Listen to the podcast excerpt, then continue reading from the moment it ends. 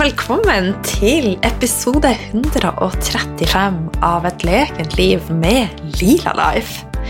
Vi er kommet halvveis i september. Wow.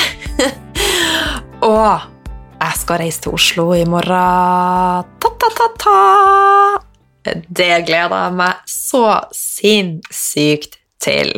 Jeg gleder meg til å fære på Oslo Råb og Happy Foods, til å trø gatelangs, til å henge med venner og rett og slett bare henge i min feminine energi og leve i takt med egen syklus. Hørtes ut som det var tatt fra en eh, sånn klisjete roman, eller hva? Ai, ai, ai. Men denne episoden handla ikke om meg, den handla om deg. Den handla om hvordan du kan bli kjent med din feminine energi og syklus. Og med meg som gjest så har jeg Tori fra Yin-mamma. Og eh, det Altså, rett og slett Det her, det her, det her, det her er en magisk samtale. Åh, så gled deg! Og hvis du ikke kjenner til hun, eh, Tori fra før, så er hun akupunktør. Hun er en velværecoach. Hun er yogainstruktør, forfatter og mamma. Og hun brenner for å hjelpe andre kvinner med å skape mer balanse og ro i seg sjøl og i livet. Vi snakker om hvordan skape mer ro og balanse i oss sjøl. Vi snakker om feminin energi og hvordan balanserer denne feminine yin-energien mot den maskuline yang-energien. Vi snakker om feminin syklus og hvordan trekk den. Vi snakker om meditasjon, tilstedeværelse, grensesetting, det å være kvinnelig gründer, tips for å lykkes. Og hva gjør hun Tori når hun er litt rampete? og mye, mye mer. Så gleder jeg til en fantastisk eh, samtale. Men før vi hopper inn i praten med Tori, så har jeg lyst til å komme med reklame for Lila-gjengen. Og det er faktisk sånn at 50% av oss alle, kvinner, damer, jenter, har en hormonell ubalanse. Og 80% opplever det i løpet av livet. Det er ganske urovekkende. Og det som også er urovekkende, er at majoriteten blir fortalt at det her er ingenting å gjøre med, utenom å akseptere og lære seg å leve med symptomene, og eventuelt dempe symptomene med preparater. Men det er alltid muligheter, og det er aldri for seint. De vanskeligste situasjoner kan snus. Og jeg har sjøl gått fra å være sengeliggende til nå midt i livet 45 år! Energetisk og vital som aldri før. Så mitt tips til deg hvis du har lyst på en magisk ristart, rett og slett en feminin ristart, så er Lilagjengen stedet å være. For du fortjener å ha det bra, du fortjener å stråle, du fortjener en leken helse med hormoner i balanse. Og Lilagjengen er det perfekte stedet for å starte en endring og for å få en feminin ristart. Og du får all kunnskapen og verktøyene du trenger for denne ristarten, som gjør at du finner godfølelsen som kommer innenfra og ut. Du får tilgang til lekne oppskrifter, livesendinger med meg, yoga, meditasjon, samba Vi skal danse samba i oktober! Challenger og din egen heiagjeng med likesinnede damer. Og ja, det er rett og slett magisk. Og i oktober så har vi følgende ting på tapeten. Vi starta med en femdagers challenge hvor vi skal innarbeide gode rutiner. For rutiner er nøkkelen for andre endringer. Og så Uka etter det skal vi jobbe med matglede, eller leke oss med mat. Vi skal lage pizza, vi skal lage pasta, vi skal lage kjøttkaker, og alt er melke- og glutenfritt, men lekende godt og sunt. Uka etter der så skal vi eh, rett og slett hoppe inn i det med periodisk faste. Vi skal lære om alle helsefordelene og kjenne resultatet på egen kropp, for vi skal gjøre det i praksis også. Uka etter der skal vi trene opp intuisjon og matintuisjon til å bli flinkere å kjenne når og hva kroppen trenger av påfyll, og hva trenger sjela di av påfyll? For at hadde de matplanene som sto i alders, funka, så hadde jo verden vært veldig enkelt, og da hadde det ikke vært noen der ute med hormonelle ubalanser. Nå var det litt Det var ikke kritikk av alders. Det var bare sånn generelt. Og så skal vi også danse samba. Og det er online, og det er et nivå som passer alle. For lekenhet og glede er en nøkkel for hormoner i balanse. Og det er sånn at dørene til Lilagjengen de stenger i morgen, fredag 17. september. Så hvis du har lyst til å hive deg med, så er det ingen tid å miste. Jeg legger meg link til påmeldinga, og så håper jeg å se deg på innsida. Nå skal jeg slutte å skravle, og så ønsker jeg Tori hjertelig velkommen til en fantastisk prat om feminin energi. Du, Utrolig hyggelig å ha deg med på podkasten, Tori. Hvordan sier du navnet ditt, forresten? Tori eller Tori. Takk! Takk for at jeg får være med. Jeg gleder meg til samtalen her. Det gjør jeg også. Du, Aller først, hvordan starta du dagen din i dag? I dag jeg har eh, Morgenrutinen min endrer seg alltid litt ut ifra hvor jeg er henne. Litt i syklus, og gjerne hva jeg har gjort dagen før, og litt hva jeg skal gjøre den dagen. Så akkurat i dag så eh, Det første jeg gjorde, var når jeg kom ut sammen med sønnen min, så satte jeg på litt barne-TV til han. Han er fire.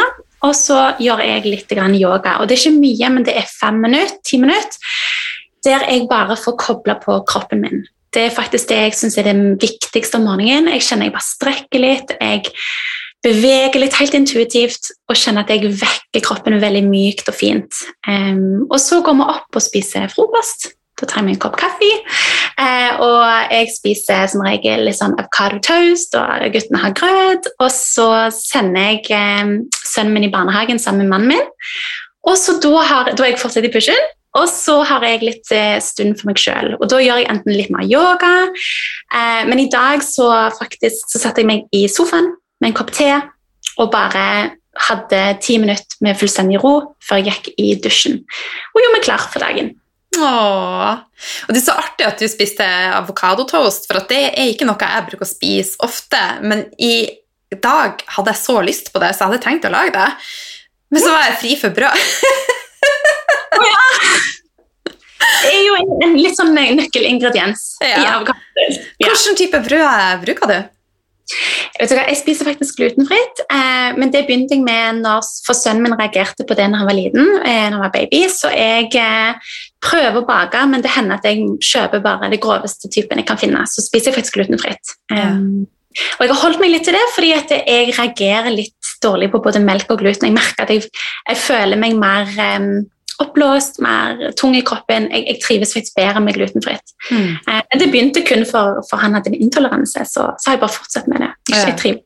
Mm. Og jeg spiser heller ikke gluten, da, og jeg tror det nesten er blitt den nye normalen, da, for det er så mange som, som reagerer på det. Og så er det så viktig det du sier, å faktisk sjekke inn med hvordan føles det i min kropp, og sånn så du bare det føles faktisk bedre uten. Du trenger ikke ha noe allergi eller intoleranse, men du er jo svaret. Ja, ja. det er helt det liker jeg veldig godt. Så det Men uh, utenom altså har du Du sier at du du endrer rutinene dine ut fra, fra syklus, da, så det vil si at du tracker din egen syklus? Ja, det ja. gjør jeg. Eh, nå, har, nå, går ikke jeg på sånn noe eh, hormonell prevensjon, så um, jeg har naturlig syklus. Og jeg tenker at jeg er jo akupunktør i bunn, så i kinesisk medisin så er kvinners syklus uavhengig av om du går på prevensjon eller ikke, ekstremt viktig. fordi at det, vi er cyclical beings, vi har en naturlig syklus. Så det er ekstremt viktig for kroppen vår uh, å ha en syklus. Og vi har jo menstruasjon, eggløsning, og den en måte, Kvinner har jo en 28 28 dagers, eller litt lengre for noen, syklus. Og den, eh, det påvirker følelsene våre, det påvirker energinivået vårt. Så jeg, eh, det er ikke sånn at jeg tracker det veldig på en måte nøye, men jeg vet når jeg har mensen, jeg vet når jeg har eggløsning, og så justerer jeg ut ifra det. Og det er litt sånn når vi har menstruasjon, så er vi mye mer eh, Vi har gjerne mer behov for mer ro, vi er litt trøttere, vi har behov for å gå innover. Mens når vi har eggløsning, da er det på en måte motsatt. Da er det mer yang, da er vi eh, mer out there, vi har mer energi, mer overskudd. og jeg prøver på en måte å leve mer etter syklus, og da eh, på morgenen hvis jeg har menstruasjon, så blir det mye mykere. Da har jeg gjerne en time eller to der jeg bare er for meg sjøl, slapper av, jeg eh, drikker masse te. Mens når jeg har eggløsning, f.eks., da er det gjerne mer at jeg går på en yogatime og har mer aktiv, mer aktiv morgen, eh, og kanskje mer da er mer aktiv med jobbingen. Så jeg prøver å justere litt ut ifra hvor jeg er i syklusen. Mm. Jeg gjør også det, og det har, eh, har jo endra livet, for å si det sånn. Det gjør det. Ja, ja. ja. Så, eh, men syklus kan også være kortere. Jo eldre man blir, jo, ofte, jo kortere blir den jo ofte. Så jeg har jo en syklus som er nede i 22 dager, og det kan jo være litt irriterende. det kan jeg forstå. Da blir det Mye ro, ja. Så eh, jeg tenker også at det er viktig det du sier, at alle har vi en syklus. Og tenk også at når man er ferdig og menstruerer, så er vi jo del av en feminin syklus. Så ja, ja. det er spennende eh, reise, rett og slett. Men du, det er jo første gangen eh, du eh, gjester podkasten. Og jeg har jo tenkt lenge på å invitere deg, eh, men jeg har bare hatt én gjest på, som jeg prata engelsk med, og det sitter liksom litt sånn langt inne. Jeg begynner å naile engelsk, men jeg er fortsatt der at jeg må tenke så mye. så jeg har gått og, Det har vært sånn barriere for å spørre deg, for jeg tenkte at du prata bare engelsk. Da, så du fikk melding på engelsk. Jeg ble så letta når du snakka norsk! Men du, kan ikke du fortelle oss litt eh, om deg sjøl? Hvem er du, og litt om de reiser som gjør at du er blitt den du er i dag? Det kan jeg selvfølgelig. Takk, jo. Eh, bare for det med engelske. Jeg er britisk, egentlig. Foreldrene mine er britiske, men jeg er født og oppvokst i Norge. Eh, og jeg er jo tospråklig, så akkurat når det gjelder engelsk, så er det mer at det er det jeg har vokst opp med å snakke. så det er det, Og Tori har alltid vært mitt kallenavn. Jeg heter egentlig Victoria. Um, så det har vært en veldig naturlig ting når jeg skulle skape Yin-mamma, så ville jeg prate på engelsk, for det, det, er faktisk sånn jeg tenker i første omgang. Um, men jeg er akupunktør i bunn, og eh, yogainstruktør og coach. Eh, og For ca. tre år siden så jobbet jeg i klinikk sammen med kiropraktorer, fysioterapeuter, og så egentlig en rød tråd. Jeg, hadde, jeg behandla for det meste kvinner. Veldig mye stress, veldig mye slitenhet, utbrenthet, hodepiner. Og jeg så egentlig en rød tråd der jeg kjente at jeg, jeg tok meg selv i å si det samme om og om og om igjen. Um, og så eh, begynte jeg å holde kurs om stressmestring. Jeg begynte å prate veldig mye om dette her med å leve mer i det feminine, mer i yin. For ikke-nesemedisin så snakker vi om yin og yang. Og yang er jo det aktive, det fysiske, det på en måte pushing, going, working. Og det yin det er jo det feminine. Det er på en måte det beroligende, det er det nærende. Eh, altså loving, caring, nurturing, nourishing, pleier jeg å si. Så det er liksom den balansen der. Og jeg ser jo at i samfunnet i dag så mangler vi den balansen. Og dette så jeg veldig tydelig når jeg jobbet i klinikk, så jeg eh, sa faktisk til en venninne en gang at jeg skulle nesten ønske jeg kunne bare trykt play, og så kunne noen bare hørt den, så slapp jeg å si det om og om igjen. Og så begynte jeg da å, å um, Mens sønnen min var uh, baby, så hadde han mye kolikk, og jeg um, følte jo at jeg hadde dette balansegreiene ganske bra i bunn, men når jeg ble mamma, så var det en omveltning. Og jeg ble veldig lett stressa, og jeg kjente at jeg trengte å ha mer verktøy. Så da ble jeg yogainstruktør og lærte da hvordan jeg kunne Jeg lærte meditasjon, hvordan jeg kunne på en måte koble mer på kroppen på et mye dypere nivå. Eh, og da begynte jeg å, å se at dette her var jo fantastisk måte å integrere sammen med det jeg allerede kunne. Så jeg Eh, og det begynte faktisk Yin-mamma begynte faktisk med at jeg, hadde, jeg begynte å bruke disse yogamattene som vi selger bl.a. i, i nettbutikken. Og jeg, jeg, skjønte at dette her er jo en fantastisk måte å finne ro på. Folk trenger mer ro. Så jeg bare hoppet ut i det, og det er egentlig en lang historie, men jeg hoppet ut i det. og eh, slutta som akupunktør for å dele dette budskapet. Og Yin-mamma, så Jeg begynte i Yin-mamma for tre, snart tre og et halvt år siden. Det begynte med en blogg, og så begynte jeg å ha kurs eh, på nett og fysisk. Og så har vi nå en nettbutikk der vi selger disse yogamattene og yogaklær. Og så egentlig handler hele dette her om å finne mer ro i en travel hverdag. Det å ta øyeblikk ut av en travel hverdag til virkelig nære og prioritere deg sjøl. Koble på din feminine energi, for det er noe Da kan vi leve i, i, takt med naturen sånn som vi egentlig skal, istedenfor det stresset eh, som egentlig bare fører til ja, utbrenthet. Mm. Så det Fantastisk mm. og inspirerende. Ja. Så på den måten så får du hjelp av mange, mange kvinner. Det... ja, jo, Takk. og det er, jo, det er, jo, noe med det når du Jeg var også veldig opptatt av at eh, når du jobber som akupunktør, så, så, behandler du jo én til én, men veldig, det er jo veldig passivt for den som mottar det. Du, du er med å rette opp ubalansen. Men det er, altså, vi har jo selv ansvar for vårt eget liv, og vi har jo, det er så mye vi kan gjøre selv. Vi trenger ikke å avhenge av andre mennesker. Det er fantastisk at vi har det, vi kan lære, vi kan gå til behandling, men det handler jo på en måte om å skape den balansen i seg selv. Og det er det Yin-mamma handler om, og det er det jeg brenner som for. for Hvis vi kan bare dele den kunnskapen, så kan kvinner finne den balansen i seg selv, og så har vi det generelt alle mye bedre. fordi når vi har det bra, så deler vi jo det. Da er vi jo bedre mammaer, bedre venner, bedre kjærester. Um, så det handler på en måte om å finne litt den, det i seg selv. Mm. Og, og, jeg ser jo det selv når jeg um, kan dele det, så gir det meg så mye mer òg. Jeg elsker jo det å kunne dele dette og prate om dette. Ja, det høres, så det er veldig inspirerende. Men du, du, sant, du brøt ut av eh, jobb som akupunktør, du starta for deg sjøl, og du brenner for ro og balanse i oss sjøl. Hvis du skulle prøve å sette ord på altså, dine beste tips for å skape denne magien, da, hva det vil være? Åh, oh, det var et bra spørsmål. Um, Ok, så I første omgang så tenker jeg at eh, veldig ofte så, så, går vi inn i en sånn Nå skal vi gjøre en endring, så går vi inn i mer yang. Og yang er jo den her, vi skape endring, og så tenker vi at vi skal gjøre så mye om gangen. Og der tenker jeg at vi har disse her flink peak. Jeg, har vært, altså jeg er flink peak av og til sjøl, jeg, jeg, sliter jo med å komme meg ut av det, sånn som veldig mange andre gjør. Vi har ofte veldig store ambisjoner, vi har ofte veldig mye vi skal få til, veldig mye, og så på en måte går det et par dager, eller vi, vi vet ikke hvordan vi skal gjøre det. Så i første omgang så handler det om å ta øyeblikk, tenker jeg. Det handler liksom om dette her med å begynne å stoppe litt opp og kjenne litt etter. Og gradvis tenke at ok, istedenfor at dette er noe som skal fikses, for vi er jo ikke ødelagte, ingen er ødelagte, så handler det om å skape et liv som vi har lyst til å leve. Et liv der det er plass til deg, der du kan ha sånn, selvkjærlighet, der du føler at det er plass der du kan ta deg tid til å roe ned. Og Det handler ofte med øyeblikk. Det handler om å bare begynne med nesten å bli bevisst på det. Nesten å si høyt til universet sånn Ok, nå, nå, er jeg klar faktisk for å gjøre en liten endring, og så skal jeg gjøre det gradvis, mildt og vakkert. Mm. Liksom sånn, det trenger ikke å være sånn forhasta og nå skal du ha alle svarene i morgen. Fordi det, det, går ikke. Jeg har prøvd, jeg har prøvd uh, og prøver fortsatt av og til. Men det er ikke sånn det fungerer. Så hvis jeg skal si noe til den magien, så handler det kanskje om å uh, tørre å roe ned. Tørre å stoppe litt opp. Kjenne etter. Tørre å kjenne liksom etter hva du har behov for, og så prioritere det. Begynne å prioritere disse her.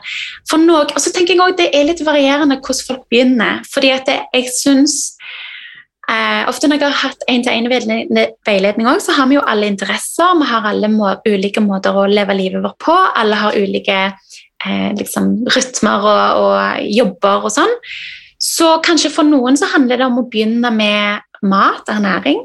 Noen kanskje er det å begynne med bevegelse. For noen er det kanskje å begynne med meditasjon eller mindfulness. Og jeg tenker, Kjenn etter hva som du syns virker litt spennende, og så prøver du det. Og så er du kjempesnill med deg sjøl. Du bare begynner noe helt enkelt, lett, og så kjenner du hvordan det føles, og så tar du det derfra. For det er, sånn, det er jo a journey. Det er jo ikke sånn at vi trenger alle svarene i dag. Vi er ikke ødelagte, vi trengs ikke å fikses. Det handler om å oppleve, erfare eh, og ta det gradvis. Så jeg, jeg, vil si det. Begynn med sånn øyeblikk og det som du syns virker interessant og gøy. Det som du tiltrekkes mot. Mm. For det du tiltrekkes mot, det er det som er riktig for deg. Vi er jo alle forskjellige, så det som er riktig for meg, er ikke nødvendigvis riktig for, for deg eller for noen andre. Men vi har, det er masse, masse verktøy, og så handler det bare om å finne det som vi syns virker spennende. Mm, så enig. Altså, ja, jeg er 100% enig. Så eh, for meg så starta det med maten, men det, har jo, det som ofte skjer, blir jo at det blir en sånn dominoeffekt, og så Ja. åpner det en ny dør. Så nå er jeg jo inne i alle de her greinene, og, men jeg kan også selv om jeg har holdt på med dette lenge, så kan jeg jo òg plutselig eh, altså bli overvelda og hive meg på for mye. Så, Ja. ja. så her om dagen så meldte jeg meg både på kurs med Sahara Rose, hvis du kjente henne, Ja, ja. og. Manifesting Babe, og det er jo sånn som nå, så er jeg nesten litt sånn knute i magen på grunn av at Det blir jo yang, yang blir det ikke det? Altså, Det blir mer yang. ja, Det blir mer. for det er liksom Det er nok å gjøre én ting av gangen. Vi har jo dette her hastverket, og jeg, dette er noe som jeg jobber mest med. hastverket. Dette her med at du skal liksom nå over så mye, men så vi har god tid. Vi har, okay? Vi har, det er et kort liv, men et langt liv òg. Vi har jo på en måte sånn som du sier, dette her med så lett å bli overveldet, det er så lett å se over gjerdet, hva gjør andre? Og så tenker man at vi ligger bakpå, vi, ligger, vi burde vært mye lenger fram. Og det jeg ser jo opp til, sånn som du sier, Sahara Rose, og tenker å, de har kommet så mye lenger enn meg. Men alle er på sin reise, og så er det liksom steg for steg for steg. Det vil alltid være noen som er langt framme, og alltid være noen som er langt bak. Det handler ikke om, det spiller egentlig ingen rolle. Så sånn som du sier, Vi gjør det alle sammen. Jeg har en tendens til å ta på meg altfor mye, for jeg har mye yang i meg. I hvert fall når vi brenner for noe, så har vi naturlig mye yang. Eh, men så handler det da om å balansere det ut. Hmm. Ut med litt sånn Ok, én ting om gangen. Ja, så viktig. Ta de kursene, det er jo veldig gøy. Ja da, så jeg må bare gjøre det i mitt tempo, som du sier, og ikke la meg bli overvelda. Så eh, ja. Eh, for- Hva du skal si? Jeg skulle si at jeg har meldt meg på mange mange, mange kurs, men jeg pleier aldri å ta de live mens det foregår. Jeg pleier alltid å bruke lengre tid, for jeg liker liksom å gå i mitt eget tempo. Det er ingenting galt med det heller. Jeg synes det kan være sunt og fint. Jeg. Det er nesten litt sånn rebelsk imot det der å, gjøre alt samtidig. Um, så det kan være fint det òg av og til. Ta det Mm. det- Men Det gjør jeg ofte, og det tenker jeg er veldig viktig også for deg som hører på.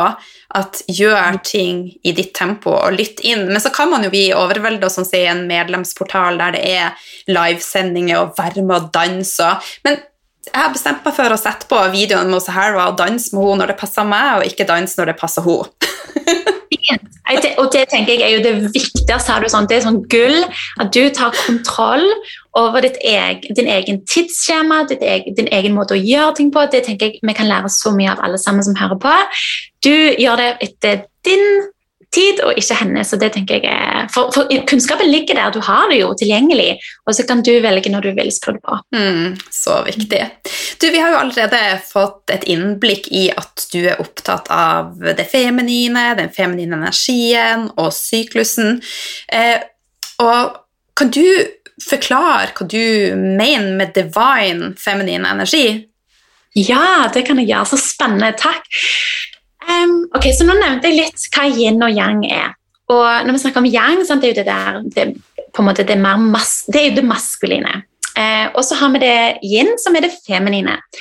Men det som vi må forstå, det er at det, i, det feminine har blitt undertrykt i mange mange hundre år. ikke sant? Og det har vært en ubalanse der i altfor mange år.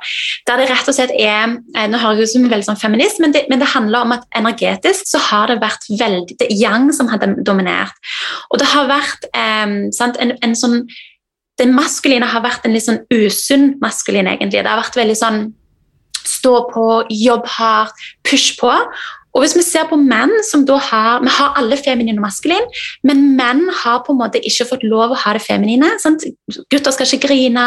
Sant? Heldigvis nå er jo dette i endring. Dette her er jo på en måte i, i, Nå er dette i endring. Men, men menn har liksom ikke fått lov å ha det feminine. Det har blitt sett på som svakt.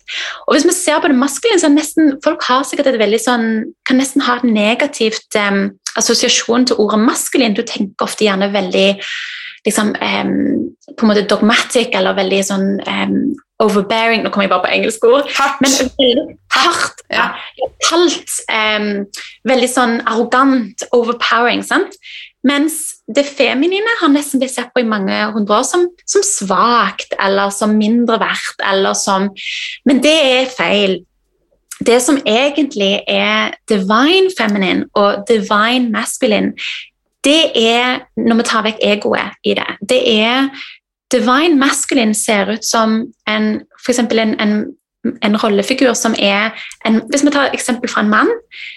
En, en mann som har en mykhet og en styrke og en eh? Han er i kontakt med følelsene sine, og han, han deler kjærligheten sin fra en sånn vanvittig maskulin, nydelig plass.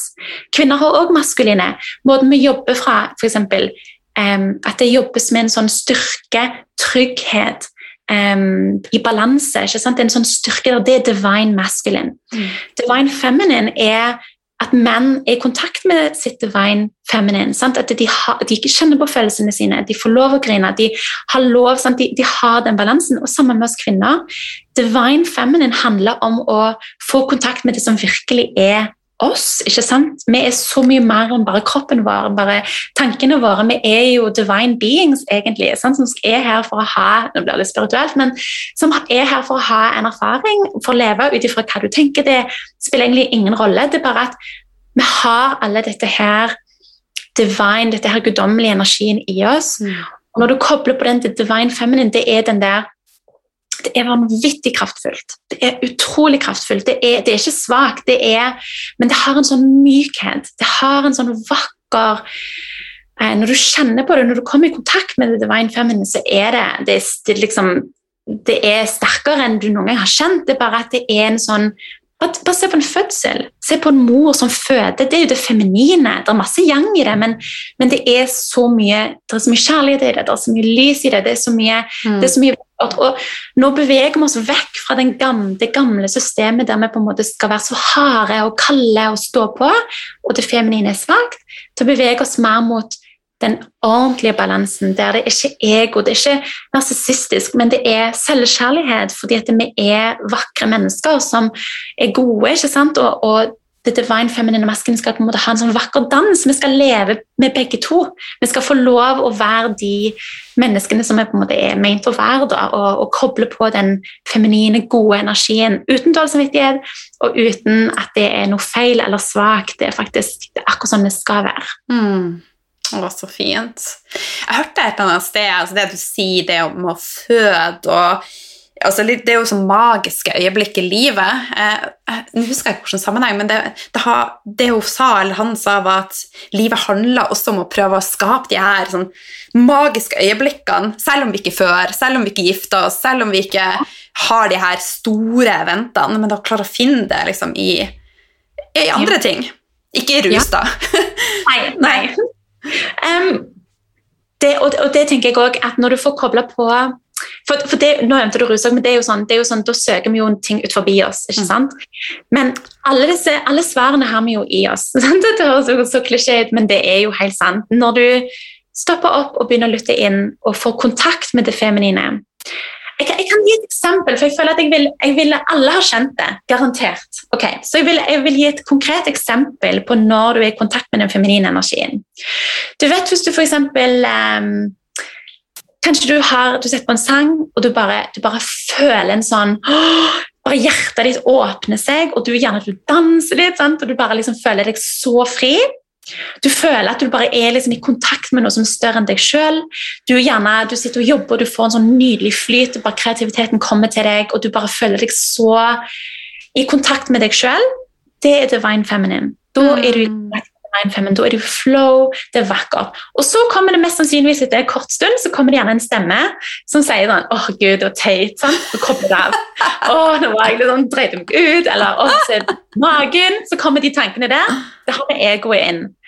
Da kobler vi ofte ut ifra. Da kommer liksom den der conditioning, de der mønstrene som vi har blitt, som har blitt vokst opp med, og som har lært, hørt fra samfunnet at oh, du skal jo ikke du skal ikke tro så mye om deg sjøl. åh, det var egoistisk, og hvem tror jeg jeg er som driver sånn? Men, men den kontakten du hadde der, Mm. det er divine feminine. Og, og det er den vi på en måte det er jo deg, så det er den vi søker da. Og ting som kan gjøre det, det er jo å finne det i the everyday moments. Om du danser rundt i rommet, om du er på en yogatime og du bare, åh, du bare føler at du endelig sant, du fikk kontakt. Det er ofte det vi søker, og det er innover. Og så kommer livet, og så går det i bølger, og så er det helt ok, men så får vi kontakt igjen. Mm. Så mhm. det det og nære det og øve på det, da, så får vi mer og mer, er lettere å komme i kontakt med. Så kan ja. vi kanskje forhåpentligvis leve i den flowen hele, hele tiden. Nesten. det hadde jo vært eh, fantastisk. Så mm. eh, jeg delte en eh, video på Instagrammen min i går om det med å, å, meditere. Jeg vet ikke om du har sett den? Med... Jeg fikk sett den. Nei, jeg, har ikke vært så mye på Instagram i det siste, faktisk. Jeg har hatt litt sånn litt Instagram-detox, så jeg har ikke fått det med meg. Nei, beklager. Det går helt fint, men det, det, er, det, var så mye respons for at Du må se den etterpå, da. Eh, ja. Det her med å kontakte innover, og så kommer det en monkey mind inn. Så jeg har liksom, det, det er meg, og så kommer det ei ape, og så kommer det meg, og så kommer det ei ape. Men eh, det er så mange som har kjent seg igjen i det. så vi er jo der i hverdagen at vi, vi leter etter de her lommene mens vi blir dratt ut av det. Men jeg tenker jo at vi kommer jo nærmere og nærmere så lenge vi bare fortsetter denne reisa. Absolutt. Og så tenker jeg også, Målet er jo ikke å, å, å, være perfekt, for det går ikke. Vi er ikke perfekte. Og vi har jo følelser, og jeg tenker ofte i det i det spirituelle og i selvutviklingsverden så er det veldig mye bypassing, faktisk. Det er veldig mye sånn det er veldig mye at du, du, nesten bare skal ha det fint hele tiden og du skal gjøre så mye for å ha det bra. Men det handler jo ofte også om når du ser innover, så det jo, kan det jo være litt tøft òg. Fordi du kjenner jo på følelser, mønster, emosjoner, traumer, ting som, som alle har på en måte opplevd. Og, og, det kan være små ting og store ting, og det tenker jeg er Eh, en del av reisen å akseptere og, og, jobbe seg gjennom gradvis. Og så finne disse her øyeblikkene der du på en måte får kobla på eh, som, deg sjøl så mye som mulig, og da får vi jo disse her den roen som vi søker etter. Mm. Men det er ikke en sånn ro hele tiden. Sånn som du sier, Apekatten den er jo der. Tankene våre er jo som en apekatt. og jeg synes Det var et veldig fint eksempel du ga, noe som jeg jeg lærte faktisk på, når, jeg, eh, når jeg ble yogainstruktør, om um, dette her med monkey mind. Og uh, jeg syns hun ga en sånn fantastisk metafor på dette her med uh, tankene våre, og hvorfor det er så viktig å meditere og bli bevisst på tankene våre. Og det er rett og slett at det, Se for deg at du sitter i en bil, og så sitter du, du sitter og kjører, og ved siden av deg så har du en løs, vill apekatt. Og du kan se for deg at Hvis du skulle kjøre bil med den, så ville det vært ganske farlig hvis den hoppet rundt i bilen, og den symboliserer tankene dine. Så du er nødt til å trene apekatten til å sitte fint. Du må trene apekatten, du må gi den oppmerksomhet, men du må også trene den til å sitte fint, sånn at du kan kjøre trygt. Og mm. Det er på en måte metaforen for meditasjon. Jo mer bevisst vi blir på tankene, jo oftere vi øver på å roe ned og se inn og bearbeide, jo mer finner vi denne her roen som vi alle leter etter. Og da er det lettere å å være mer avslappa i hverdagen. Mm. Være mer til stede eh, og få lettere å få kontakt med oss sjøl. Det var et veldig, veldig fint bilde. Så, så eh, Vi skal snakke litt mer om meditasjon, men før vi hopper inn på det, så har jeg lyst til å eh, få deg til å oppsummere hva vi kan gjøre for å komme mer i kontakt med vår feminine energi og balansere det med det maskuline. Så fint. Ja, ok. Eh, jeg tenker Hvis du ser litt på dagen din, så kan du nesten Hvis du tenker litt sånn enkelt, litt sånn du får ørneblikk, du ser litt på dagen din, så kan du tenke litt Er det veldig mye yang, eller er det veldig mye ro? F.eks. Eh, hvis du er en mamma og med fulltidsjobb, så har du sikkert veldig travle dager. Da handler det om å skape lommer der du kan finne ro. Og, og disse tingene handler gjerne om å eh, altså Måter du kan få kontakt med den feminine energien, er rett og slett å roe ned og Gjør noe som du syns er gøy. Ofte når vi får kontakt med kreativiteten vår, så er vi mer i det feminine. Ofte tenker vi at det handler om å bare ligge og sove og, og bare meditere, men det handler faktisk om å skifte gir litt. Så hvis du jobber og tar vare på ting og, og styrer på, så er det yang. Da handler det kanskje om for deg å gjøre ting som hjelper deg med å roe ned og koble på kreativiteten. Det kan være alt ifra å strikke, sy, Um, bake, danse. Det er feminine. Det høres så tullete ut, men det er enkelt. Det er mm. disse enkle tingene som gjør at du kanskje slapper mer av og får kontakt med kroppen din. Eh, vi kan også få mer kontakt med kroppen gjennom bevegelse. så yoga eller turer i naturen eh, hvis, du, for eksempel, hvis du jogger en tur med musikk på ørene, så er du gjerne ikke Da er du mer i det yang. Så kanskje hvis det er måten du trener på, så kan du komme mer i det feminine ved å heller høre på fuglekvitter og gå i skogen. Mm. Det vil jo være balansen med, med, yin og yang. Og Jeg er litt opptatt av at du skal se litt på ditt eget liv, for det er ingen fasit. Men hvis du kan se hva hvis du kan se at dette er yang for meg, hva vil da yin være for meg? Så eh, alt, kreativitet, maling, alt som på en måte gjør at du bruker gjerne fingrene, du, du får kobla på kroppen din, mm. vil være en fin måte å få kontakt med den feminine energien. Og òg um, stoppe opp litt og ikke være så opptatt av den to do-listen som må fylles, og heller skape mer rom til å høre på litt musikk, lese bok, ligge i sofaen og prate med partneren din eller hunden din, eller ingen, altså bare, bare skap det er med og er i det feminine energien.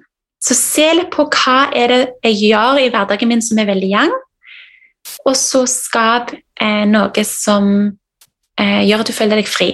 Mm. Gjør at du føler deg i flow, avslappa. Da da kobler, du på, den feminine energien. Mm.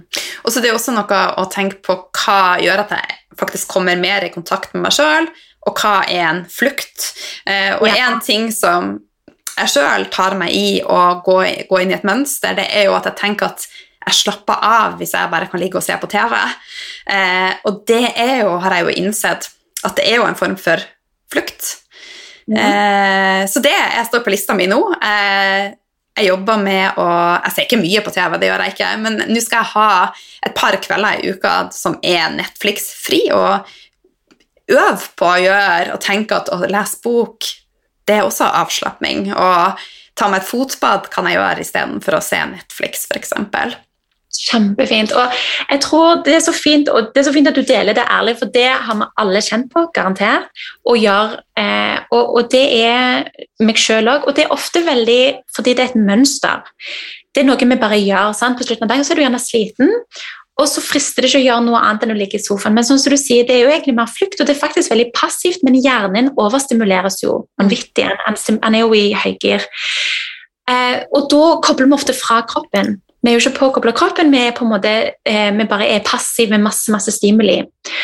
Og det, når jeg, har, når jeg hadde pasienter òg, og når jeg, når jeg, holder kurs Jeg har jo et Yin Mama Balance-kurs.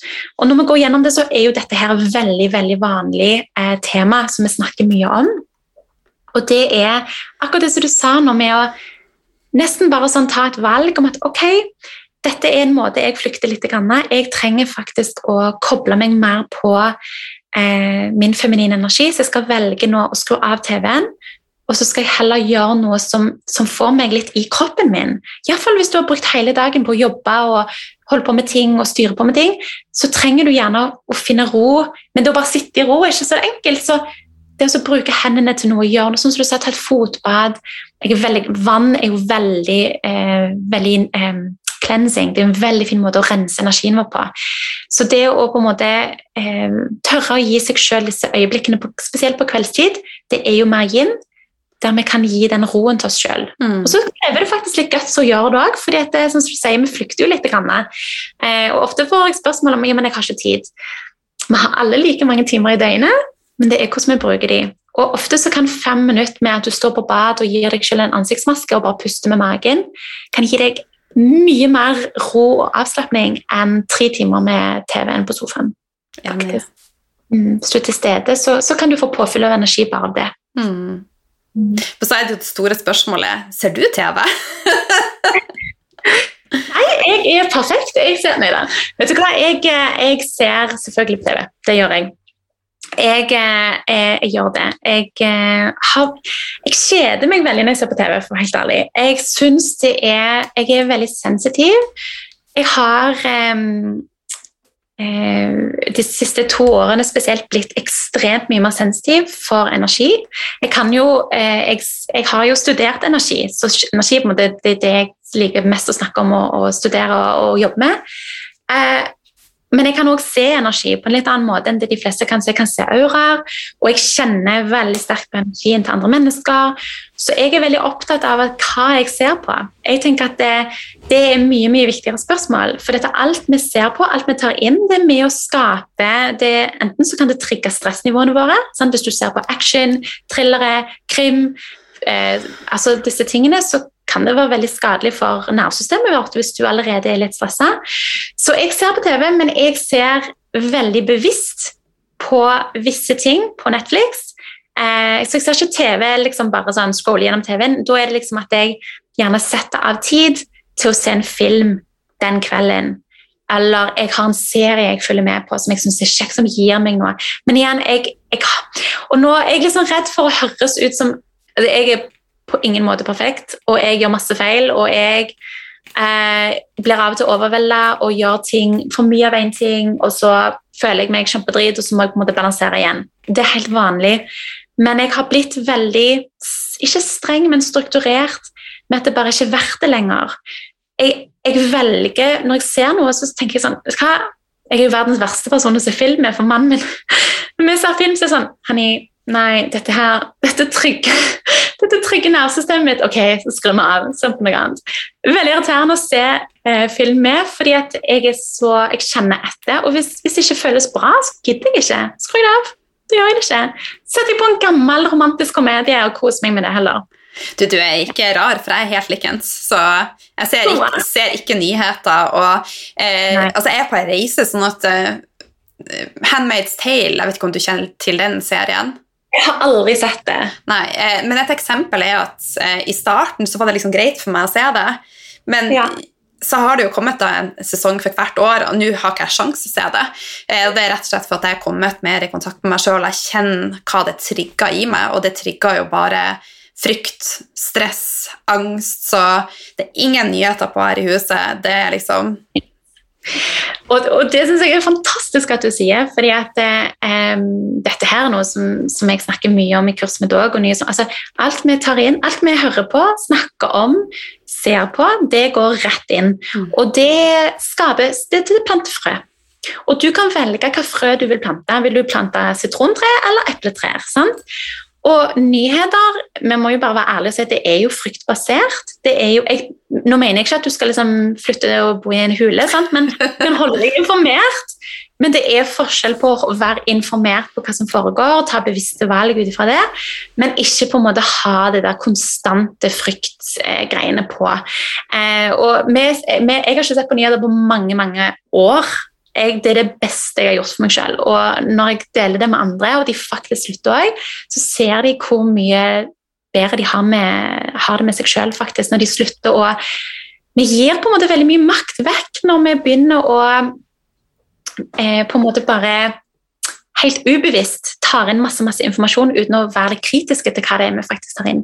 Så Et lite tips hvis folk har lyst til å senke stressnivået sitt med en gang, slutt å se på nyhetene. Hold deg informert, men slutt å se på nyhetene.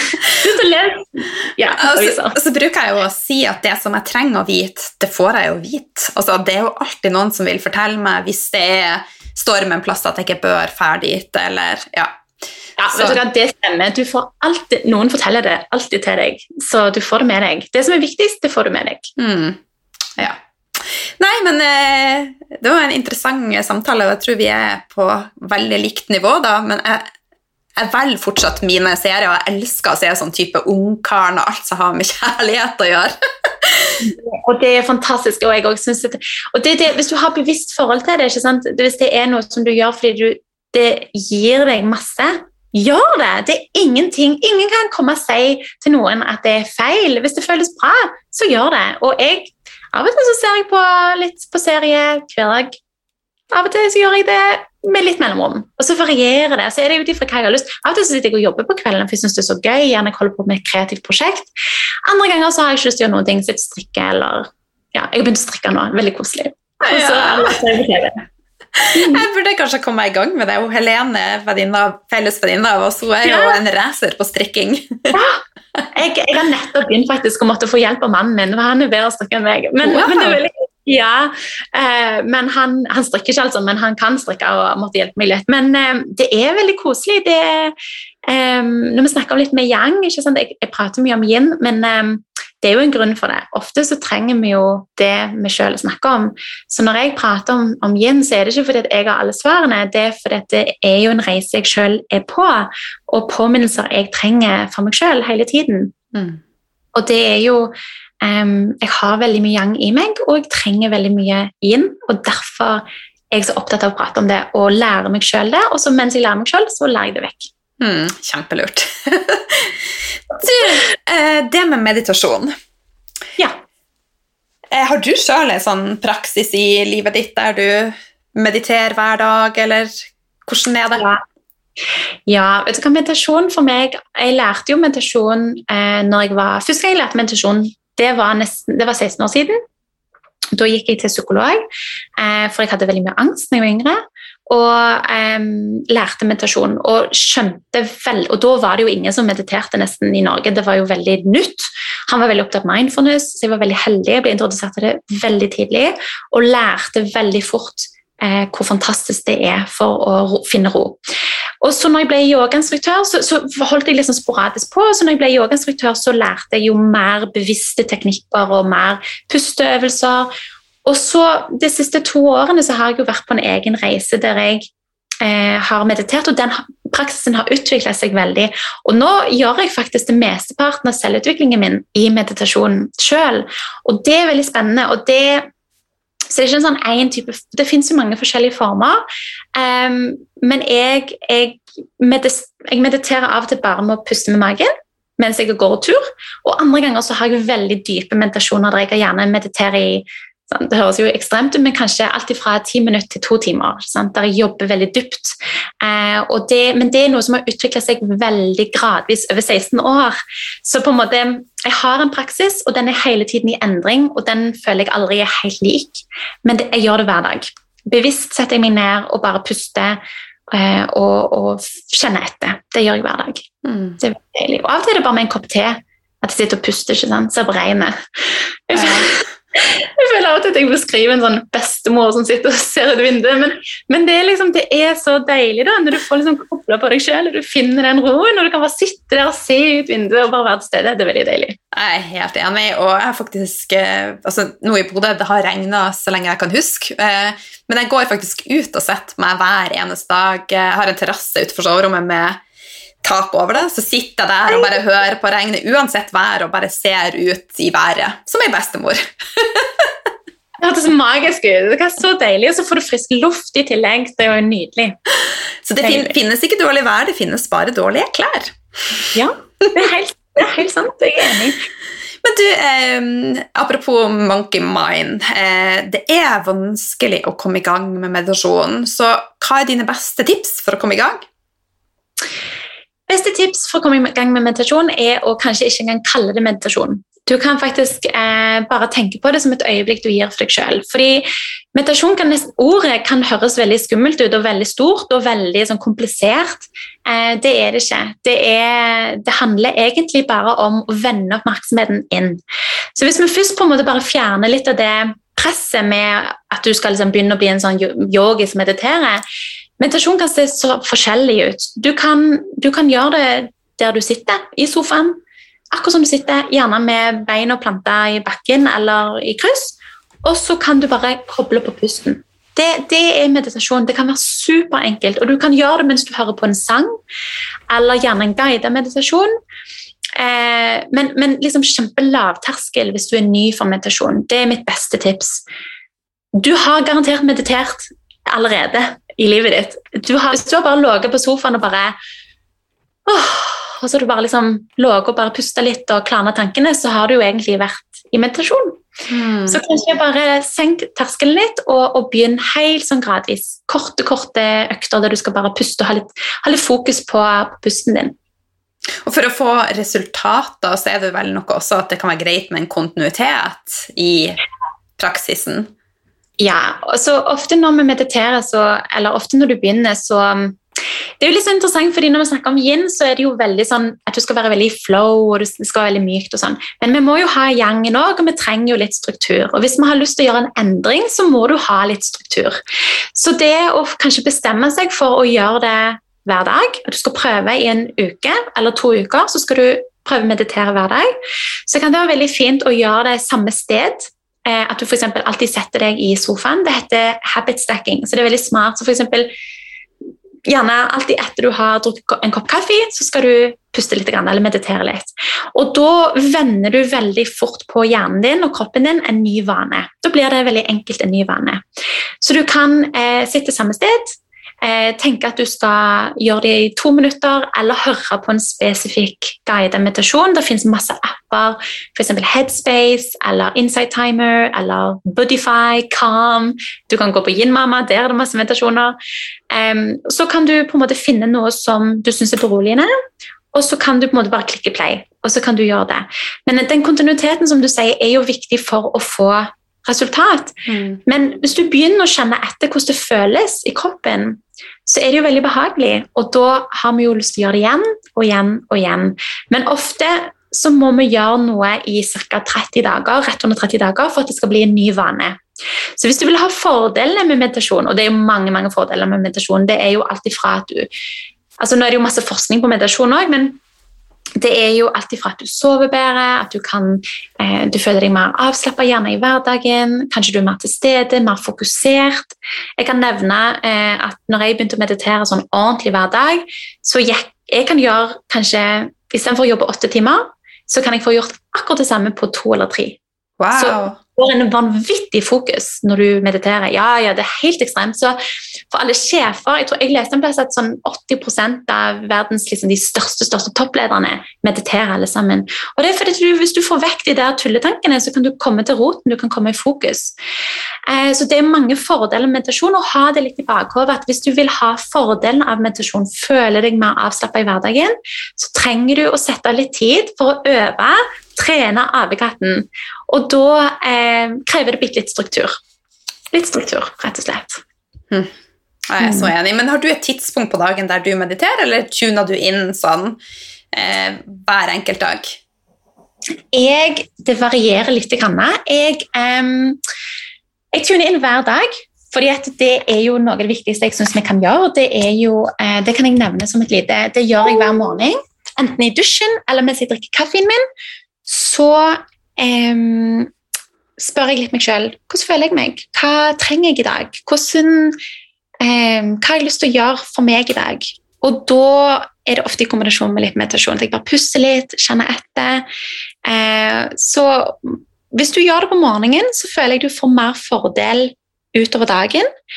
Uh, men det er ikke alle det passer for. Sant? Gjerne noen har unger, de har eh, skal av gårde på jobb. Sant? Du kan jo gjøre det i bilen eller i det du setter deg på kontoret, men egentlig når som helst på dagen som du finner tid til, er viktigere. Det er viktigere å gjøre to minutter enn å ikke gjøre det, og det er viktigere å gjøre det når som helst enn å ikke gjøre det. Mm. Så noen, kanskje noen gjør det på kvelden i badekaret etter en lang dag.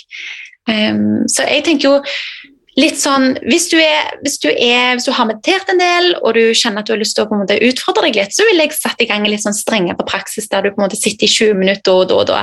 Men hvis du er ny, så handler det liksom om å at det trenger ikke være perfekt. Det trenger ikke å være eh, Skriv heller opp i kalenderen at eh, i morgen klokka åtte eller klokka tre eller klokka ni på kvelden så skal jeg faktisk sette meg ned og så skal jeg eh, meditere litt. Grann, Eller gjøre en avspenning og så hold deg til det. Så hvis du gjør en avtale med meg sjøl, så hold deg til den avtalen. Gode mm. tips. Mm. Ja. Du, eh, hva er den ene tingen du vil råde lytteren om å endre i dag, som vil skape et enormt skifte på sikt?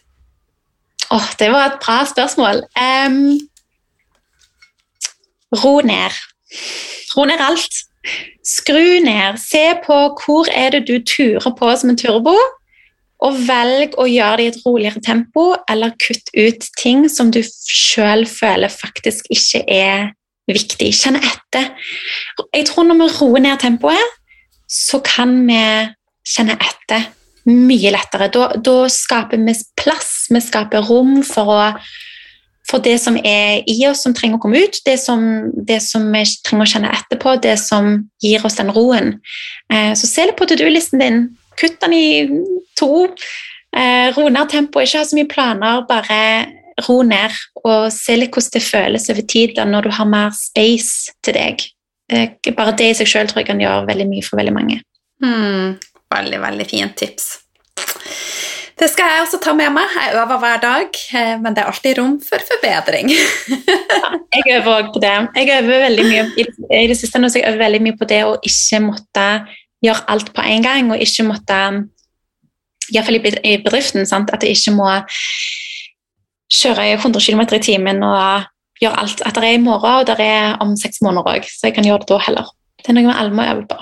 Ja. ja, for du er jo gründer og har eh, skapt mye spennende, bl.a. din egen yogakolleksjon. Eh, er, er det vanskelig å, å, beholde denne roen da i gründertilværelsen? Og fortell litt om det å være gründer. Så spennende. Ja, det er så morsomt, fordi at det er Jeg har jo gjort dette lenge, men, eh, eller tre og et halvt år. Jeg har egentlig aldri sett på meg selv som gründer før nå veldig nylig. Eh, det er akkurat som jeg har bare sett det. Jeg var liksom bare en akupunktør, og så hadde jeg bare lyst til å gjøre noe. så eh, har Jeg egentlig, jeg gjorde egentlig alt. Jeg, jeg, jeg ble ikke med i et gründermiljø. Jeg var ikke noe sånn, jeg bare gjorde min egen greie. Og så elsket det. Og så er det først nå at jeg liksom bare ser det tilbake og bare Oi, ja, jeg er jo faktisk en gründer, for jeg har skapt dette her eh, sjøl. Um, når, ja, når du brenner for noe veldig, så er det jo det er egentlig sånn som vi har snakket om, det handler om å, å balansere ut den gjengen. Av og til så eh, får jeg det til helt nydelig. Av og til så gjør jeg litt for mye, så blir jeg litt overvelda, og så må jeg roe litt ned. Så jeg øver på den balansen. Det er um, i hvert fall når du virkelig brenner for noe så mye. Jeg øver på å ta imot hjelp. Jeg øver på å eh, ha mennesker i bedriften min som, som, avlaster og hjelper. At ikke jeg må gjøre alt sjøl. Det skaper jo mer plass til at jeg kan gjøre det som jeg trives best med. At ikke jeg må absolutt alt sjøl. Det er noe jeg øver med. Så ja, litt varierende. Ja. Men er du flink, og du sier du øver nå på å egentlig ha sett grenser. For et av spørsmålene som jeg hadde tenkt å spørre deg om, er er du flink å sette grenser. Det høres det jo ut som du er. på jeg har jobbet veldig mye med grensesetting det siste året spesielt, og blitt ekstremt Jeg vil si jeg blitt veldig god på det. Fordi um, jeg, er, jeg, er bare, jeg, er, bare, ferdig med å ofre ting som ikke jeg ting som ikke får meg til å føle meg bra. Jeg, jeg prioriterer min helse og min velvære foran alt nå. Og um, grensesetting er ekstremt viktig både med mennesker, med ting du gjør. Og jeg øver på å virkelig holde meg til de tingene som, som gir energi, som jeg føler hjelper, som er ting som kobler meg mer på min divine feminine energy. For det igjen skape mer god energi. Mm. Jeg vil, når jeg jobber i bedriften min, så vil jeg jobbe ut ifra en god energi. Jeg vil aldri jobbe ut ifra der jeg er sliten og stressa og pusher. Og jeg ser jo at med en gang jeg Det er veldig interessant, fordi hvis jeg som jeg sa før, jobbet jeg sant, gjerne 14 timer til dagen, 8 timer til dagen og veldig mye. Men nå kan jeg fint ha bedre resultat hvis jeg jobber to nydelige, effektive, fokuserte timer der jeg gir, jobber fra hjertet enn om jeg på en måte grinder og hustle og pusher på. For det er veldig mye av det i gründerverden. Eh, når jeg kobler meg på den feminine energien, da, da er det mye lettere å sette grenser òg, for jeg kjenner at jeg har ikke behov for å eh, jeg, jeg, gidder ikke å ofre min egen well-being for noe annet. Og det er noe jeg har øvd veldig veldig mye på. Det er noe som jeg synes er lettere og lettere. og lettere. Eh, si nei til ting jeg egentlig ikke har lyst til å gjøre. Nei til mennesker, nei til til ting rundt meg, opplevelser. Ja, jeg sier bare nei. Hvis ikke jeg kjenner etter, hvis jeg ikke føler at det passer, så sier jeg nei takk. Åh, så bra at du sa ja til å komme hit, da. ja, det hadde jeg veldig lyst til. Det var kjempegøy. Fantastisk. Men du, eh, altså jeg føler at jeg er blitt ganske godt kjent for deg. Men fortell litt mer om hvordan en vanlig dag i livet ditt er, og hva du gjør for å ta vare på deg sjøl. Vi vet at du mediterer, setter grenser. Ja. Um, ja, er, det er sånn Ingen dag er helt like for meg fordi jeg jobber jo for meg sjøl. Så eh, min hverdag varierer jo veldig ut ifra hva jeg har på, eh, litt på agendaen. Noen dager så Jeg inkorporerer bevegelse hver dag. Jeg går veldig mye tur. Jeg syns det, det, er så deilig å bare gå tur. Eh, vi er veldig heldige å bo rundt der det er veldig mye fin natur. Så i løpet av en dag så ernæring er blitt altså, veldig viktig for meg hvordan maten jeg spiser, så jeg bruker veldig mye tid på mat nå. Um, og ja, jeg jobber jo, jeg har hatt kontor lenge, men akkurat nå jobber jeg hjemmefra, så jeg passer liksom dagen med litt sånn som jeg vil. Eh, noen dager ser det ut at jeg sitter åtte timer foran dataen og svarer på mailer og har masse ordre og ordner og styrer. Andre dager så er jeg kreativ og sitter i sofaen og drikker te. Så ja, eh, kveldene er vel, morgenen og kvelden er dedikert til meg. Og så dagen ettermiddagen er til familien min og jobben min. Jeg har jo en gutt på fire, og han er veldig opptatt av at når vi er sammen, så skal jeg være 100 til stede. Ikke alltid så enkelt, men jeg jobber veldig med det at vi skal ha det koselig og gøy og ha en skikkelig god familiedynamikk. Det er veldig veldig viktig for meg, så jeg, jeg har ikke lyst til å bruke all energien min bare på jobb. Jeg eh, passer på å lade godt opp gjennom dagen, sånn at jeg kan tilbringe masse god tid med, sønnen min, mannen min og og vennene mine. Ja. Fantastisk. fantastisk. Du, hva er sånn favoritttype mat? Utenom avokadotoast. Oh. Jeg er jo så nysgjerrig. Ja, hva er det jeg Altså, jeg er jo veldig glad i smoothies, eh, men nå kan jeg si én ting, og det er jo at eh, hvis du skal spise litt sånn kinesisk medisin, så ikke drikk sånn iskald smoothie på vinteren, f.eks. Den kan du ha på sommeren. Og så er jeg mer glad i varme supper og nærende mat. Så jeg er veldig opptatt av å spise ut ifra eh, kinesisk medisin der vi spiser i takt med på en måte været. og eh, Det høres veldig alternativt ut, men, men favorittmat for tiden Jeg tror jeg må si smoothie, men altså ja, vi Og den varierer, og oppi den har jeg alt. Jeg syns det er så genialt med smoothie, for du kan proppe den full med næring. Så jeg har litt sånn greenspulver, og jeg har masse klorella, masse supermat, masse frukt, blåbær, spinat, avokado. Kjører på. Mm. Herlig, herlig. Og tenker det med å følge årstidene, det er jo ikke alternativt det heller. Jeg gjør, prøver òg det, men det er jo litt trist å bo i Bodø, da, for det blir varm mat hele året. ja, det blir det. Ja, Stavanger òg. Det regner mye her. Det er mye vind. Det er mye kaldt. Ja, det er det her også, så jeg bruker å si at å bo i Bodø er for spesielt interesserte. Jeg har faktisk aldri vært der, så ja, men jeg take your word for it. Det er veldig nydelig natur. Fantastisk. Så det er, ja, det er alltid noen fordeler, og så er det noen ulemper. Så. Men du, hvis du skal være skikkelig, skikkelig rampete, hva gjør du da? Det er så vanskelig å svare på. Er, tenkt, du sendte meg et par spørsmål. Jeg, jeg, jeg, jeg, har tenkt på dette. Fordi, hvis du hadde spurt meg for noen måneder siden, så hadde jeg sagt liksom, at jeg skeier skikkelig ut med liksom, eh, takeaway, liksom, kanskje en eh, liksom, masse is. Altså, veldig sånn, jeg liker jeg syns alt handler om balanse. Men i det siste så har jeg følt meg veldig sensitiv og veldig sånn Det, det føles ikke verdt det. Så jeg, jeg, reagerer veldig dårlig på raffinert sukker. Så hvis jeg på en måte skal skeie ut og være skikkelig sånn Da har jeg gjerne en tendens til å spise is, men jeg føler meg ikke bra når jeg gjør det, så jeg har slutta med det.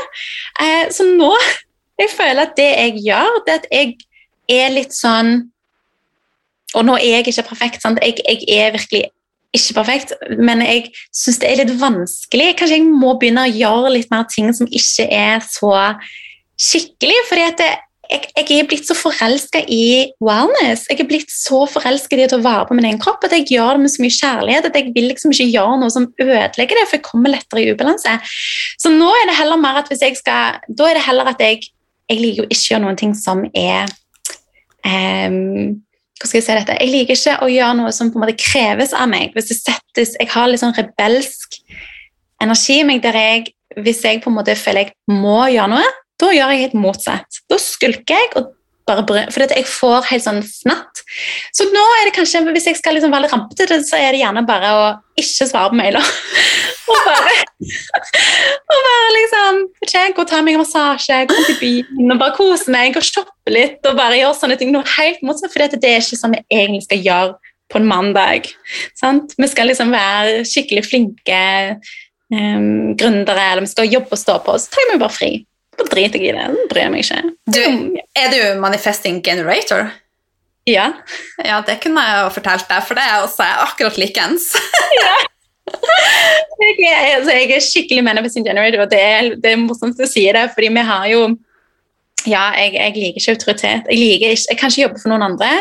Mm, mm, mm, det går ikke. Så, så, nå, hvis jeg skal være rampete, så er det rett og slett at jeg bare ikke gjør de tingene jeg føler jeg må gjøre. Så. Altså, vi er jo der eh, i vår eh, human design-energitype, så er det jo vi er jo styrt av vil, og jeg syns det er så fint når vi snur vil. Det blir jo liv. Så det minner jeg meg sjøl på hele tida at It's a life. life. Ja, og liksom bare det altså, vi, vi, sitter så fast i den firkanta boksen. Sant? Det der strukturen sånn og har, En annen ting jeg gjør veldig mye med i det siste, det er dette her med å gi slipp på den dårlige samvittigheten om at det, når andre er på jobb sant, fra ni til fem eller åtte til fire, så burde jeg òg være det. Men jeg har jo valgt å leve en, helt, på en helt annen måte. Det er noe som, Jeg har jo jobb fra åtte til fire før. Det er noe som alle, det er tilgjengelig for alle. Og det er noe jeg minner meg selv på. Alle kan gjøre en endring hvis de har lyst. Mm. Det handler jo om å leve det livet som du har lyst til å leve.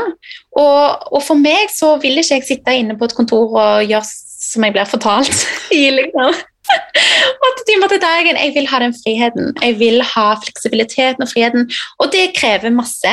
Eh, du må jobbe på og stå på. Det krever masse yang, men det gir veldig mye yin og veldig mye veldig mye fantastiske muligheter, noe som jeg trives veldig veldig godt med. Mm. litt leve. Jeg, jeg, jeg skriver litt for kort for å stå på og bare hustle. Du må leve òg.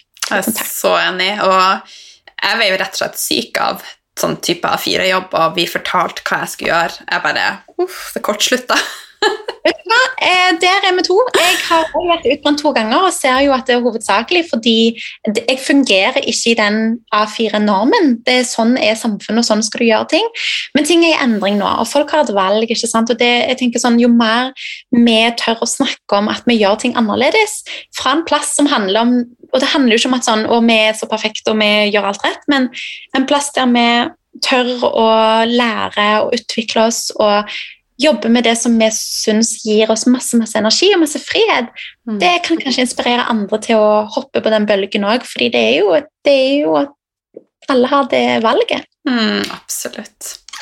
Fantastisk. Du, helt på slutt, eller på tampen, er det noe du vil tilføye som jeg ikke har spurt deg om? Jeg syns det har vært en kjempefin samtale. Jeg klarer ikke å komme på noe nå annet enn å kanskje bare minne alle sammen på at eh, du er jo på din egen reise, og ta og lær og, og liksom kikke rundt og se hva folk gjør, og kjør alt forbi ditt eget system. Kjenn etter det hva som føles rett for deg, for det fins millionervis av kurs, det fins masse teknikker, og bare gjør det som kjennes rett for deg. Øv på å lytte inn eh, til intuisjonen din, styrke den intuisjonsmuskelen, eh, og da, tenker jeg at du lever akkurat sånn som du skal gjøre her og nå. Mm. Så fint. Du, tusen, tusen takk for at uh, du valgte å, å, være med i podkasten. takk for at du valgte å invitere meg. Det var veldig koselig. Jeg føler jo også, Ofte så handler det jo om å eh, Når vi er in alignment, når, vi er, um, når det er på en måte rett, så, så, skjer det veldig naturlig. Og da var det kanskje da, Du nevnte jo i starten at det, du hadde lyst lenge, men nå passet det kanskje akkurat sånn som det skulle for alle. Så ja. takk for at jeg fikk være med. Perfekt. Aller siste ting, hvor kan lytterne treffe deg? Du kan finne meg på yinmama.no og på Instagram yinmama.bytori. Å, takk, og takk hjertet, fra hjertet for stunda. Tusen takk.